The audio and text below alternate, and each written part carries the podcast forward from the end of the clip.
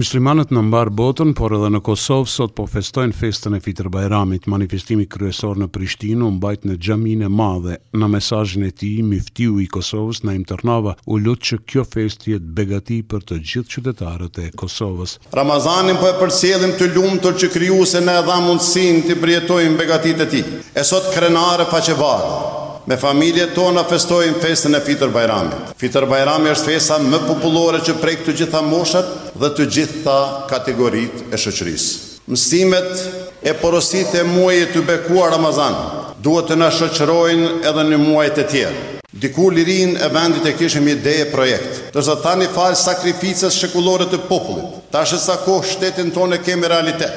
Por si qytetarë të këtij vendi, e kemi obligim që ta bëjmë më të mirën për vendin tonë, që ta bëjmë atë të jetueshëm për të gjithë kategoritë e shoqërisë. Braktisja e vendit nuk është zgjidhje e duhur, sidomos nga të rinjtë dhe ekspertët tanë.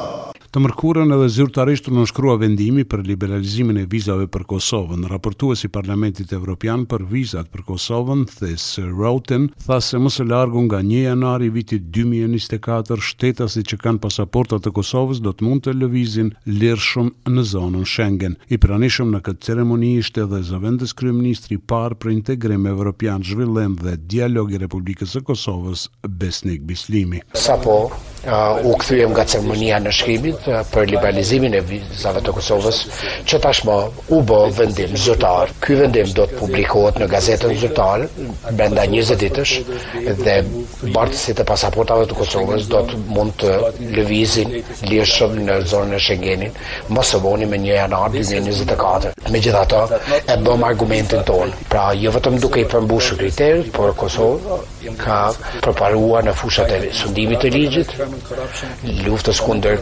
krimit të organizuar dhe korrupsionit, si dhe menaxhimit të migrimit. Këto arritje nuk kanë mundur të injorohen e të tejkalohen, pra kemi punuar ngushtë me gjitha shtetet anëtare që këtë ta bëjmë të mundur. Komisioni Qendror i Zgjedhjeve ka mbajtur takimin e fundit rreth përgatitjeve për mbajtjen e zgjedhjeve të jashtëzakonshme në komunat veriore. Në këtë takim janë caktuar edhe vendvotimet, ndërkaq janë akredituar rreth treqind e gjashtëdhjetë vëzhgues, të cilët do të mund ta përcjellin nga afër procesin zgjedhor. E teksa po afrohet e diela, dita e mbajtjes së zgjedhjeve në veri të vendit, Partia e Serbëve të Kosovës ka njoftuar se nuk do të marrë pjesë në zgjedhjet lokale në veri. Lajmin e ka bërë të ditur kryetari i kësaj partie, Aleksandër Jabllanoviq. Ndryshe, Lista Serbe, e kontrolluar nga Beogradi, bojkoton këto zgjedhje, por jo vetëm. Ajo lobon, shantazhon dhe kërcënon qytetarët të cilët me dëshirë do të votonin. në këto zgjedhje. I dërguari i posaçëm i Shteteve të Bashkuara për Ballkanin Perëndimor, Gabriel Escobar, deklaroi se Shtetet e Bashkuara do t'i njohin rezultatet e zgjedhjeve në katër komunat në veri të Kosovës edhe nëse serbët do t'i bojkotojnë ato. Escobar në një intervistë për mediumin serb Tanjug u bëri thirrje serbëve që të kthehen në institucionet e Kosovës dhe të ndalen vandalizmat si djegia e automjeteve dhe e pasurisë së paluajtshme, prapa të cilëve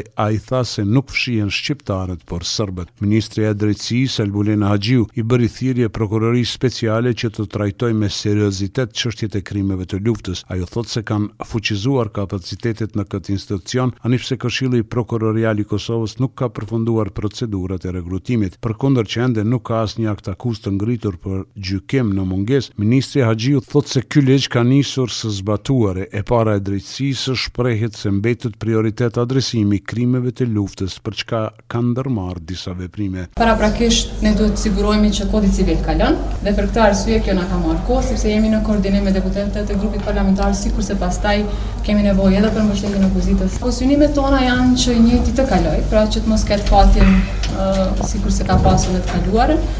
Nuk mendoj që është mirë për Kosovën, sidomos kur ne pretendojmë që të anëtarësohemi në Këshillin e Evropës që të mos e votojmë një dokument që ka të bëjë me të drejtat e njeriut, prandaj edhe uroj që Kuvendi i Kosovës ta miratojë atë. Prokuroria Speciale ka njoftuar se është arrestuar kryeshefi i KEK-ut, Nagip Krasniqi, nën dyshimin se ka kryer veprat penale, keqpërdorim i pozitës apo autoritetit zyrtar, ushtrim i ndikimit dhe konflikt i interesit. Të njëjtit i është caktuar masa e paraburgimit prej tridhjetë ditësh. Arrestimi i kryeshefit të KEK-ut, Nagip Krasniqi, ka aktivizuar kritikën opozitare në drejtim të Qeverisë së Kosovës për çështjen energjetike. Padyshim, ajo që është kupola e krejt kësajna, menaxhimi i krejt këtij keqpërdorimit të madh dhe këtij abuzimi mafioz, e ka një emër, dhe ajo është Martin Berisha, i cili ka menaxhu me gjitha këto tendera njëburimore. Pra, zoti Krasniqi është vetëm një vegël e Martin Berishës dhe Albin Kurtit në këtë proces, i cili sot pra u shkëput nga ky zinxhir dhe besoj që do të jetë e pamundshme më që të lidhet